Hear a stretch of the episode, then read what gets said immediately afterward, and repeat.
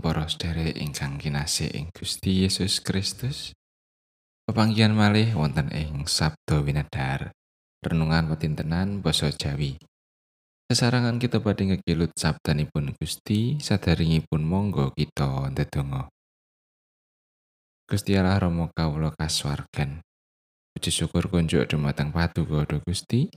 Awit sakathahing berkah paduka ingkang kawula tampi ing saben dintenipun. Sakmenika kawula nyawisaken manah kawula. Saperlu badhe nampi sabda pangandika paduka. Ki Gusti paring pepadang ing manah kawula. Nyagetaken kawula anggen kawula mangertosi lan nindakaken dawuh paduka. Kawula ngrumaosi minangka titah ingkang sekeng dereng saged ngecakaken dawuh paduka kanthi sampurna. Mugi Gusti kersa ngapunteni. Wonten ing asmanipun Gusti Yesus Kristus juru wilujeng kawula ingkang gesang. Amin. Wawasan kapendet saking Wahyu bab kalih welas ayat sedasa kalih welas. Nuli aku krungu swara kang banter ana ing swarga mangkene. Sakmengko karahayon lan panguwasa tuwin paprintahaning Allah kita. Lan panguwasane sang jebatane wis kababar marga si panggugat. Kang rina wengi nggugat para sedulur kita ana ing ngarsaning Allah kita, iku wis kauncalake mangisor. Lan anggone padha ngalahake srana rae sang cempe lan srana tembunge paseksene. Sebab padha orang iman marang nyawane dhewe nganti tumeka ing pati. Mulane padha sukarena, he swarga, lan he sira kabeh kang padha ngenggoni. Bilai kowe he bumi lan segara. Margo iblis wis nguduni sira kalawan nepsu banget. Margo weruh yen wektune mung kari sadhithik. Mekaten pangandikanipun Gusti ayat na saking ayat 11. Lan anggone padha ngalahake srana rae sang cempe lan srana tembungi paseksene. Sebab padha orang iman marang nyawane dhewe nganti tumeka ing pati.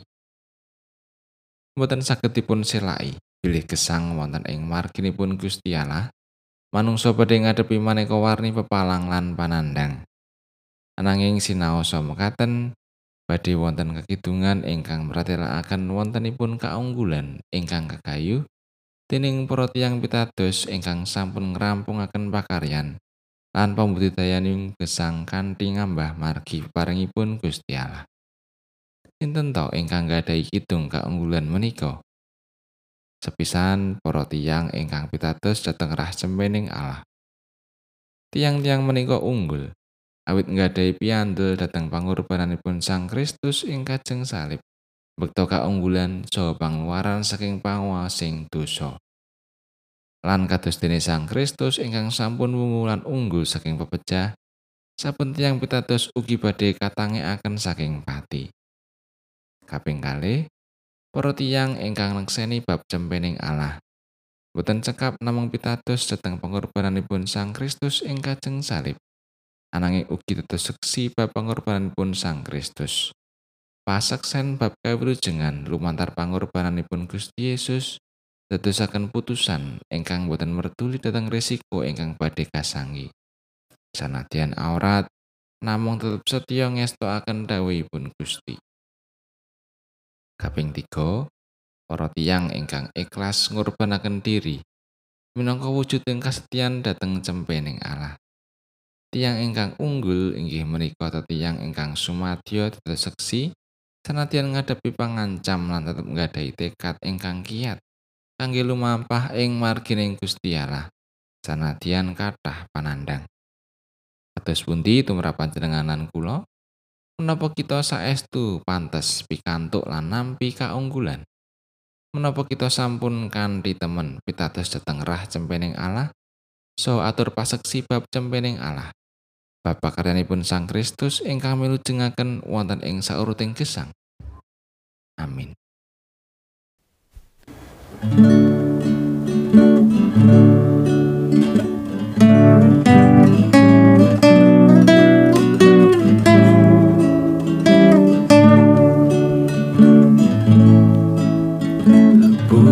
Ring Allah pangeran kang moho wiseso